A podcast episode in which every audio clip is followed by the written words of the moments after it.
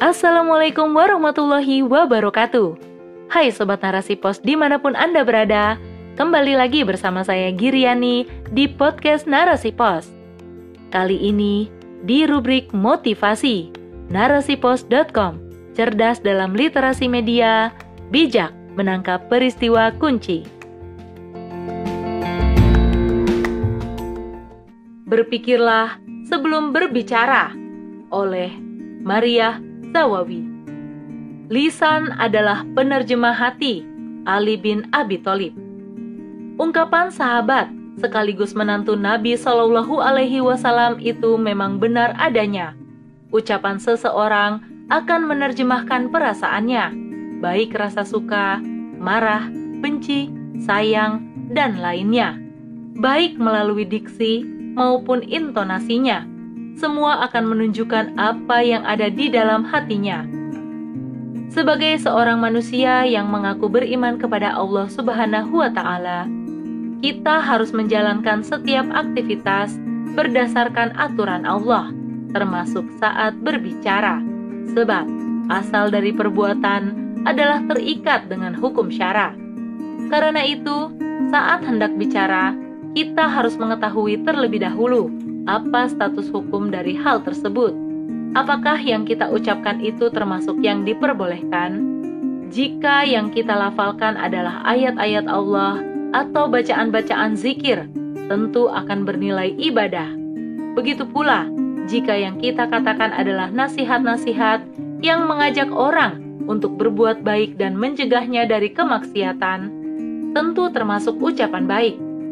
Sebaliknya, jika yang keluar dari mulut kita adalah kalimat-kalimat yang buruk, tentu termasuk yang dilarang oleh Allah, semisal gibah, mencela, atau memfitnah orang.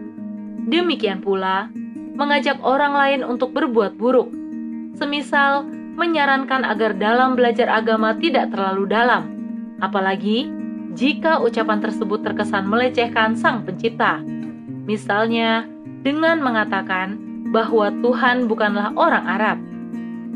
Ucapan-ucapan seperti itu bisa menyeret seseorang ke dalam kemunafikan, bahkan kekufuran. Inilah yang harus kita hadapi saat ini, hari ini, esok, atau lusa. Mungkin akan semakin banyak kalimat-kalimat menyakitkan hati yang akan kita dengar, seolah mereka yang mengucapkan itu lupa bahwa kelak semua akan dimintai pertanggungjawaban oleh Allah Subhanahu wa taala. Padahal sudah banyak peringatan yang diberikan oleh Allah maupun Rasul-Nya.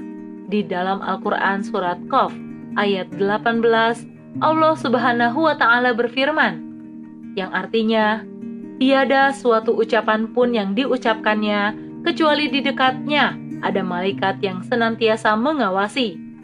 Demikian pula di dalam Al-Quran Surat Al-Ahzab ayat 70 hingga 71, Al-Hujurat ayat 12, dan Surat Al-Ahzab ayat 58. Rasulullah bahkan mengaitkan hal ini dengan keimanan dalam sebuah hadis yang diriwayatkan oleh Imam Bukhari dan Muslim.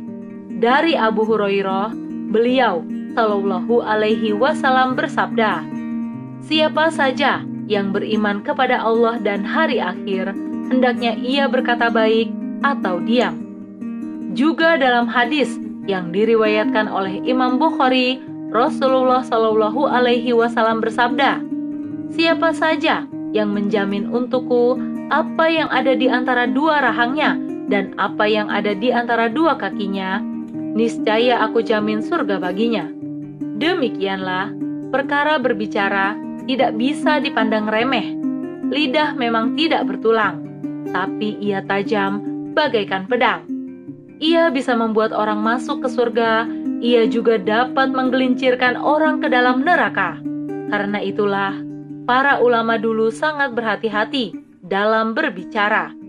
Mereka tidak akan berbicara kecuali jika itu penting dan bermanfaat. Mereka menganggap diam itu emas, sebab akan mencegah mereka dari tergelincir ke dalam neraka. Saking hati-hatinya, seorang perempuan pada masa tabiut tabiin tidak pernah berbicara kecuali menggunakan ayat-ayat Allah. Apa pun yang ditanyakan kepadanya, akan dijawabnya dengan membaca ayat yang berisi jawaban atas pertanyaan tersebut. Abdullah bin Mubarak menceritakan kisah pertemuannya dengan wanita itu di dalam kitabnya, Kifayatul Atqiyah. Demikianlah, seorang muslim seharusnya berhati-hati dalam berbicara. Ia harus memikirkannya terlebih dahulu, menimbang-nimbangnya apakah kata-kata itu patut diucapkan. Terlebih jika ia adalah seorang pejabat, sebab pejabat adalah wakil dari pemimpin yang mengangkatnya. Maka ucapan yang keluar darinya akan dianggap mewakili sikap atasannya. Seperti pernyataan-pernyataan para pejabat di negeri ini, apa yang mereka ucapkan secara tidak langsung mengungkapkan pandangan mereka dan pemimpin mereka, terutama menunjukkan bagaimana sebenarnya pandangan mereka terhadap Islam dan ajarannya. Tentu, hal itu tidak terlepas dari sistem hidup sekuler yang mereka anut. Maka, mereka tidak menghendaki aturan-aturan Islam diterapkan dalam kehidupan sehari-hari, bahkan dalam urusan ibadah sekalipun. Karena itulah, mereka lontarkan pernyataan-pernyataan yang sejalan dengan pemikiran mereka, pernyataan yang akan diamini oleh mereka yang belum memahami syariat Islam yang benar. Hal ini akan semakin menjauhkan umat dari Islam dan syariatnya. Padahal, sebagai seorang yang mendapat amanah dari rakyat, seharusnya mereka menjaga umat dari berbagai hal buruk, termasuk perkataan yang keluar dari pemikiran yang buruk. Sayangnya, mereka belum memahami hal ini. Akibatnya, dengan entengnya, mereka ucapkan kalimat-kalimat buruk itu. Mereka lupa bahwa mereka kelak juga akan ditanya tentang apa yang telah mereka lakukan dengan lisan mereka. Padahal diam lebih baik bagi mereka, sebagaimana sabda Rasulullah Shallallahu Alaihi Wasallam dalam sebuah hadis yang diriwayatkan oleh Imam Ahmad. Hendaknya engkau memperbanyak diam. Sesungguhnya diam itu dapat menyingkirkan setan dan menolongmu dalam urusan agamamu. Wallahu a'lam bishawab.